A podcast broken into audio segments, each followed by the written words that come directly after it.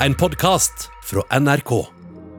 Til tross for at politiet mener Laila Bertheussen er skyldig og la ned påstand om to års fengsel, har hun gjennom hele rettssaken hevdet sin uskyld og sagt at hun må frifinnes. Og forrige uke var siste sjanse til å overbevise retten om akkurat det. Så hva er det Laila Bertheussen mener politiet tar feil om, og vil retten tro henne?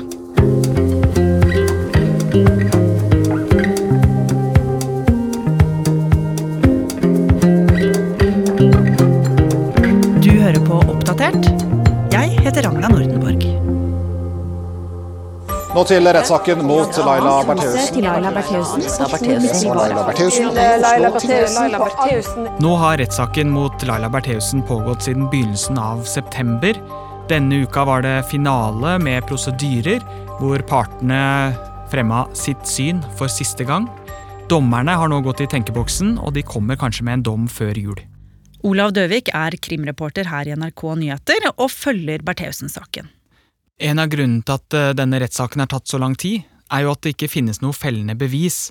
Selv om Laila Bertheussen er tiltalt, så er det ikke noe DNA-bevis eller fingeravtrykk eller noe bilder fra overvåkningskamera der hun blir tatt på fersk gjerning. Isteden så er det en rekke med såkalte indisier, vil si indirekte bevis, som påtalemyndigheten mener sannsynliggjør at det er hun som har gjort det. Ja, og for at hun skal bli dømt, så må jo dommerne overbevises om at det er bare hun som kan ha gjort dette. Ja, og derfor så har forsvarerne hele veien sådd så mye tvil som de kan for å underbygge hennes forklaring om at hun ikke har noe med dette å gjøre, og heller at det er faktisk hun som er fornærma i denne saken. Og nå skal vi ta en eh, skikkelig gjennomgang av det Bertheussen og forsvareren mener politiet har tatt feil om. Ja, Vi kan begynne med tusjbeviset. Og da skal vi tilbake til den 6. desember for snart to år siden. Tor Mikkel Wara, justisministeren i Norge, våkner opp som vanlig. Han eh, går bort til vinduet og kikker ut. Og så får han øye på noe. På veggen har noen skrevet med rød tusj 'Rasisit'. Og så ser han at bilen også har blitt tagga på. Noen har tegnet inn et hakekors og også skrevet på bilen 'rasist'. Men denne gangen er det skrevet riktig. Så Tor Mikkel Wara vekker samboeren sin, Laila Bertheussen. De snakker sammen og bestemmer seg for å ringe politiet. Og dermed er Bertheussen-saken i gang. Og Politiet mener jo at det er Laila Bertheussen selv som har skrevet dette på veggen og på bilen. Hvorfor mener de det? Jo, fordi når de ransaker boligen etter at Bertheussen er sikta, så finner de en rød tusj. Den ligger i kjelleren bak noen bøker, og når Kripos undersøker den tusjen, så mener de at det er en helt lik tusj som er blitt brukt til å skrive rasisitt på veggen. Og I tillegg så finner jo ikke Kripos noen fingermerker på denne tusjen heller. Nei, og det er ingen som har noen god forklaring på hvorfor den lå akkurat der den ble funnet heller. Så dette mener jo politiet er et viktig bevis. Det er samsvar mellom det de fant på veggen og tusjen som lå nede i kjelleren i bak og stabler. Men hva sier Laila Bertheussen om dette? Hun sier at hun har eh, mellom 200 og 400 tusjer hjemme, at hun driver med forskjellige hobbyaktiviteter hvor hun bruker dem, og at det er helt normalt å ha en sånn tusj hjemme. I tillegg så mener forsvarerne at samboeren, Vara, gir henne alibi for det som skjedde den natta. Han våkner på et tidspunkt av en lyd. Det høres ut som det faller noen fliser på et gulv, og så står han opp, går fra andre etasje og ned i kjelleren for å sjekke hva det er. Han ser ikke noe og går og legger seg igjen, og så sier han jeg så ikke at samboeren min lå i senga ved siden av, men jeg er helt sikker på at hun gjorde det. For det må hun ha gjort, hvis ikke hadde jeg ikke stått opp. Det er helt logisk, for da hadde jeg trodd at det var hun som lagde den lyden. Så når han sier at han oppfatter at hun ligger der, så gir jo det henne et ganske godt alibi. Ja, hvis han våkner av gjerningspersonen utenfor, og hun ligger ved siden av, så gir han jo henne et alibi. Men han er jo ikke sikker på det, for han har jo ikke sett henne. Nei. Han sier bare at han er helt sikker på at hun var der. Ja, for han mener at han hadde merket det om hun ikke hadde vært her. Ja. Nok en gang har justisministeren fått en trussel. Politiets bombegruppe rykket i dag hjem til Tor Mikkel Wara i Oslo. Det skjedde etter at det ble funnet et brev i postkassen hans med innhold som ble oppfattet som truende. Og dette trusselbrevet er jo bare det første av mange som skal dukke opp i postkassa til Laila Bertheussen og Tor Mikkel Wara. Og dette skjer på nyåret 2019. Og politiet mener jo at Laila Bertheussen står bak og har sendt dette brevet til seg selv. Hvordan kom de fram til det, Olav? Det kanskje sterkeste beviset påtalemyndigheten har for det, er frimerkene som er brukt på to av disse brevene. Det er to nesten helt like brev. Som det ene var ment å gå til Vara Bertheussen, og det andre til venneparet deres, eh, Frp-paret Tybring-Gjedde. På konvoluttene på disse brevene så er det to helt like frimerker. Det er et fyrtårn som er rødt, og et som er hvitt. Og når politiet ransaker boligen, så finner de et frimerkehefte der det mangler fire frimerker. Akkurat eh, de samme, mener de, som ble funnet på disse trusselbrevene. Og Hvordan er det politiet kommer fram til det?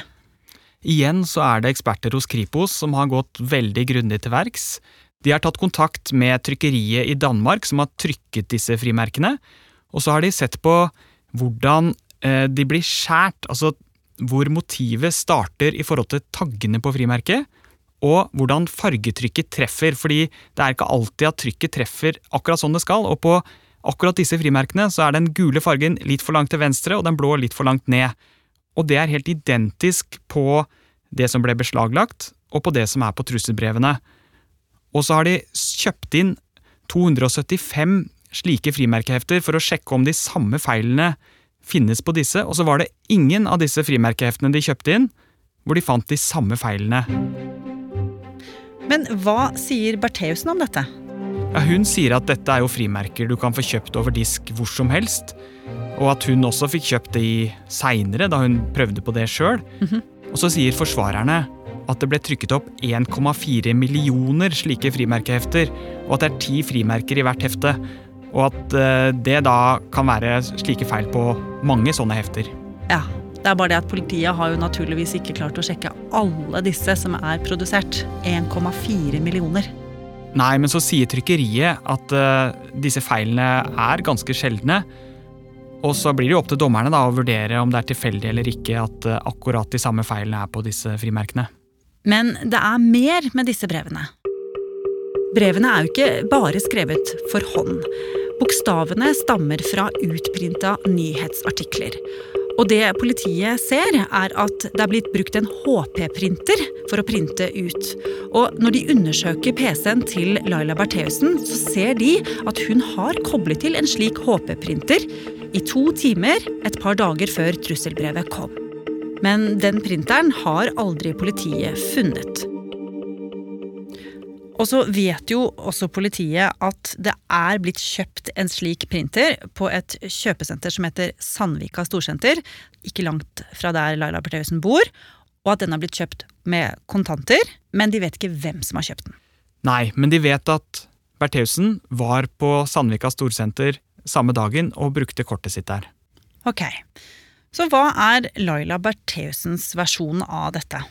Nei, Hun sier jo at dette er en veldig vanlig printer, at hun ikke husket da hun var i avhør at hun hadde kjøpt en sånn printer, men at eh, det ser hun jo at stemmer når hun ser på bevisene, og at hun tror at eh, den ble lagra på datterens rom, et rom som politiet kanskje ikke ransaket så grundig da de gjennomførte denne husransakelsen.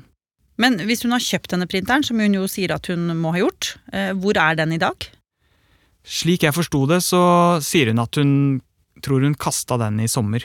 Men eh, hvorfor kaster hun en ny printer?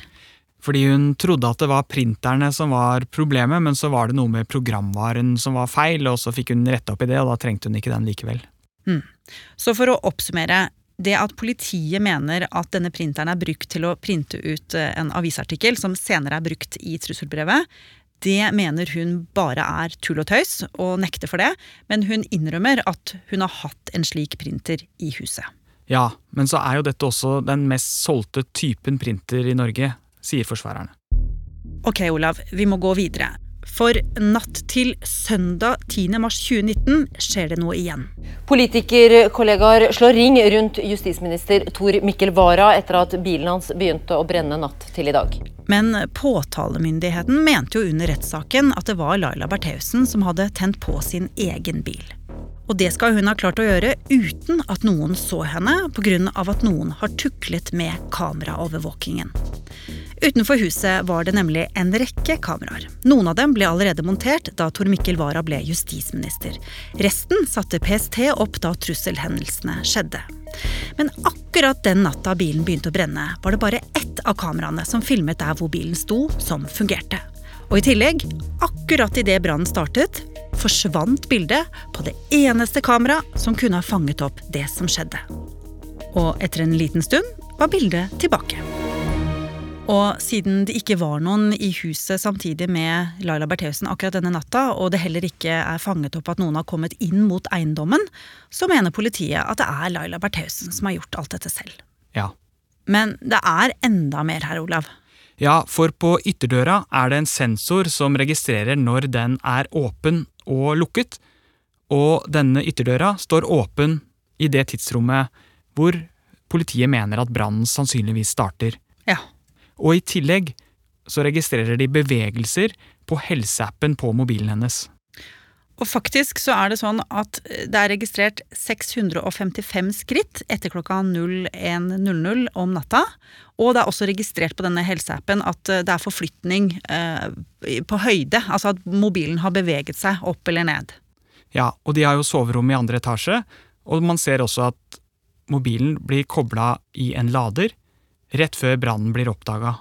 Ok, så politiet mener at eh, mobilen er i bevegelse, at sensoren eh, samsvarer med tidspunktet for brannen, og ikke minst at kameraet ikke fanger opp noe, fordi det er eh, nappa ut. Og så var det disse kameraene til PST som viste at det ikke var noen mennesker som kom mot eiendommen. Men hva sier hun selv? Hun sier at hun ikke husker så veldig mye av det som skjedde den natta, fordi hun var ikke helt edru. Hun tror at hun har sluppet ut katta, for det pleier hun å gjøre, og den katta ombestemmer seg litt eh, om den vil være ute eller inne når det er kaldt, så derfor måtte døra stå åpen. I tillegg så pleier hun alltid å rydde huset grundig før hun går og legger seg, så hun mener alle disse skrittene er eh, bevis på det. Og så peker hun jo også selv på noen fotspor ute i snøen hun skal ha lagt merke til. Ja, og de mener hun at politiet ikke fant da de var der, selv om en hundepatrulje gikk rundt eh, eiendommen. Og hun eh, sier også at hun viste disse fotsporene til eh, sin samboer da han kom hjem fra England, og det bekrefter Wara også i retten. Ja, Så hun mener at det har vært noen rundt der som kan ha gjort dette? Ja, men da må vi huske på at påtalemyndigheten mener at disse gjerningspersonene eventuelt må ha vært inne i huset, for kamera skal jo ha blitt kobla innafra. Så Bertheussen sier at hun har ingenting med denne bilbrannen å gjøre i det hele tatt. Hun kan ha åpnet denne døren pga. katta, og hun mener sjøl at hun har sett fotspor som hun syns er interessant, som indikerer at det kan være noen andre. Men det er jo også andre ting med denne bilbrannen som politiet mener kan knyttes til henne. Ja, de mener at hun hadde alle ingrediensene som skulle til, hjemme. For eksempel så fant de en flaske med rødsprit hvor halvparten var brukt opp. Og bilbrannen var tent på med rødsprit. De fant eh, tennposer, som man, sånne som man bruker til å tenne opp i peisen. Som var brukt også til å tenne på. Og akkurat lignende sto på peishylla inne i huset. Så sier Laila Bertheussen at dette her er jo ting som alle har. Så det er jo ikke noe spesielt. Nei. Men Politiet har funnet ut at hun kjøpte inn rødsprit kontant den samme dagen som bilbrannen startet, samtidig som hun brukte kortet sitt på andre innkjøp. Mm -hmm. Og Hvordan har de funnet ut at hun betalte akkurat rødspriten kontant? Det tror jeg hun fortalte om selv. Og hun sier at hun ofte går med kontanter, så det hender at hun kjøper noe kontant, og det hender at hun bruker kortet. Men hvorfor skulle hun ha rødsprit? Hun skulle røyke reinkjøtt på verandaen, sa hun i retten. Og det er noe hun pleier å gjøre? Ja, i tillegg så pleier hun å være ganske lettkledd når hun gjør det, så da må hun koble ut overvåkningskameraene når hun skal drive med det. Ok, Olav. fram til nå så har vi jo hørt hvordan politiet mener de har ganske gode bevis for at det er hun som står bak alle disse hendelsene, til tross for at hun nekter for det. Men det er også ting i denne saken som politiet ikke greier å forklare. For alt det vi har hørt om til nå, Olav, det har jo eh, skjedd før hun ble pågrepet 14.3 i fjor. Og hun ble jo sluppet ut igjen. Og etter en stund så begynte det å skje nye merkelige ting i den saken. Det begynner å dukke opp brev eller konvolutter på forsvarer Jon Christian Eldens kontor.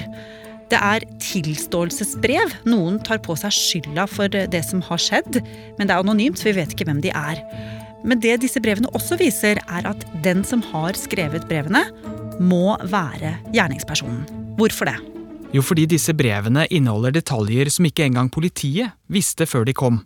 For eksempel så står det at det var utvannet hundeurin på noen av trusselbrevene som kom i forkant, og da det ble undersøkt på nytt, så viste det seg at det faktisk stemte.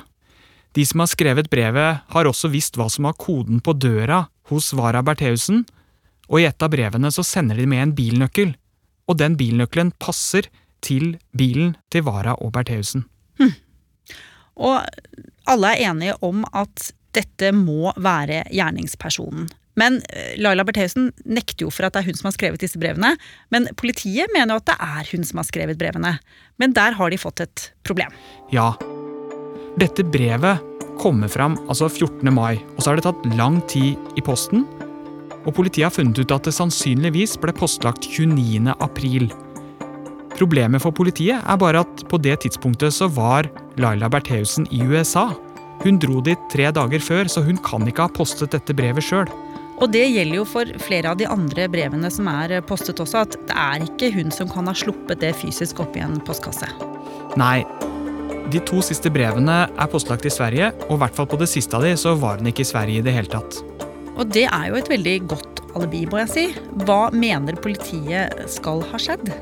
De mener at noen har hjulpet henne å poste disse brevene. Og de sier at noen har gjort det enten bevisst eller ubevisst. Men de vet ikke hvem det er som har gjort det. Mm. Og Bertheussen, hva sier hun? Nei, hun sier jo at hun ikke har noe med disse brevene å gjøre. Og forsvarerne mener jo at den som har sendt disse brevene, er jo den som må ha gjort dette her. Og når ikke hun kan ha sendt disse brevene, betyr det at hun er uskyldig for alt det andre også. Så fordi innholdet i disse tilståelsesbrevene knyttes så tett opp til alle disse hendelsene, så må personen som har skrevet brevene, være gjerningspersonen. Men siden hun ikke har postet dem selv, så kan det ikke være henne. Det må være en annen. Ja. Og da gjenstår det jo for meg å spørre deg, Olav. Kan retten dømme henne til fengsel dersom politiet ikke klarer å bevise at hun har postet brevene? Ja, for det er ikke så farlig hvem som har postlagt det, hvis det er hun som har skrevet det. Og det mener påtalemyndigheten at de har gode bevis for at det er. For eksempel så knytter skriftgranskere fra Kripos eh, håndskriften i et av brevene til henne, og så mener en språkprofessor at selv om teksten er skrevet på en blanding av engelsk og norsk med ganske mye feil, så må det være en person med norsk morsmål som har skrevet dette, og han mener også det må være en kvinne, og gjerne en litt eldre kvinne. Mm. Og det er rett og slett pga. bruken av ordet tisse. For det er det bare damer som bruker, ifølge denne professoren. En mann ville brukt et annet ord, og særlig hvis han vil framstå som truende, da vil han ha brukt ordet pisse. Ja. Ifølge professoren så bruker menn bare ordet tisse hvis de snakker til barn. Ja, men dette har jo flere protestert på i ettertid. Men som du sa, Olav, nå har jo dommerne trukket seg tilbake. Nå skal de eh, gå gjennom alt på nytt og se hva de lander på, om hun er skyldig eller uskyldig. Men eh, de har jo bedt om to års fengsel. Eh, med tanke på sakens størrelse, så syns jeg ikke det høres så veldig mye ut, egentlig. Nei, og selv om hun er tiltalt etter en alvorlig paragraf med en øvre strafferamme på ti års fengsel, så er det ikke vanlig at man får så streng straff hvis man blir dømt for dette. For eksempel så fikk islamisten Moilden Mohammed to og et halvt års fengsel da han truet stortingsrepresentant Abid Raja, og man sammenligner med tidligere saker når man finner ut hvilke straff man skal legge seg på. Og har du lyst til å lære enda mer om denne saken, så les nettsaken til Olav. Den heter Bevisene og de ubesvarte spørsmålene på nrk.no. Og så helt til slutt, kanskje du har fått med deg noen av de nydelig fortalte historiene til podkasten Hele historien. Nå har de en ny miniserie på gang, den heter Bortført i Bergen. Og den handler om en helt oppsiktsvekkende sak, og den er det du som har laga, Gry Veiby. Ja, dette her handler om en sak jeg rett og slett ikke klarte å legge fra meg. Den eh, handler om den fargerike kunsthandleren og mangemillionæren Reidar Rosen, som en desemberkveld dukka opp hardt skadd i et rolig rekkehusområde i Bergen. Han fortalte at han var blitt overfalt og bortført av tre maskerte menn. De ga beskjed at de skulle ta livet av meg, og at de hadde laget en grav til meg. De hadde gjort ferdig en grav der jeg skulle ende, hvis ikke de fikk to millioner kroner av meg i kontanter. I den grad jeg klarte å snakke, så sa jeg jeg har ikke to millioner i kontanter, sa jeg. Jeg har 100 000 kroner sikkert liggende som jeg har hatt på reiser og sånt, og valuta og sånt. sånt her. Nei, og da lo de rett og slett. 100 000 kroner, det er ikke det her. Vi skal ha to millioner kroner. Og dette er jo veldig dramatisk for han, men han klarer faktisk å rømme Reidar Rosen. Ja, han kommer seg unna og tilkaller hjelp, og allerede på sykebåra så peker han ut hvem han mener står bak. Og jeg husker første samtale jeg hadde med Reidar Osen sjøl. Han var fortvila fordi han mente at politiet ikke gjorde nok for å ta gjerningsmennene. Og da jeg hørte denne historien første gang, så ble jeg opprørt. For én ting er jo Altså, Hvordan kan dette skje i Norge? At man blir kidnappa, og det er bare et steinkast fra politihuset i Bergen. Mm. Men hvorfor gjorde ikke politiet mer? Men det skal vise seg at ikke alle helt tror på det han forteller. For hvem er egentlig Reidar Rosen? Hallo, ja. Hei, Reidar. Der er Gry Veibust ringer deg fra NRK. Å, hei, ja. Hei. Hvis jeg skal grave i din sak, så betyr det også at jeg må grave litt i fortida di. Ja, Er du forberedt på det? ja jeg, vil jeg har ikke så Jeg har jo en fargerik for, forhistorie, da. Jeg har jo det. Og Bortført i Bergen kan du finne i podkasten Hele historien, og den finner du selvfølgelig i NRK radioappen.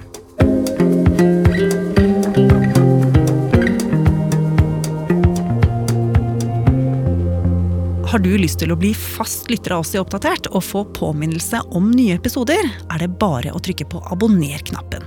Og så er det veldig hyggelig hvis du vil anbefale oss til en venn. Oppdatert er en podkast fra NRK Nyheter, og vi som jobber her, er Ida Tune Øretsland, Andreas Berge, Ina Emily Swann, Ole Andreas Låke Klevan, Petter Sommer og jeg, Ragna Nordenborg. Vil du kontakte oss, gjør gjerne det på oppdatert alfakrøll nrk.no. Du har hørt en podkast fra NRK. Hør flere podkaster og din favorittkanal i appen NRK Radio.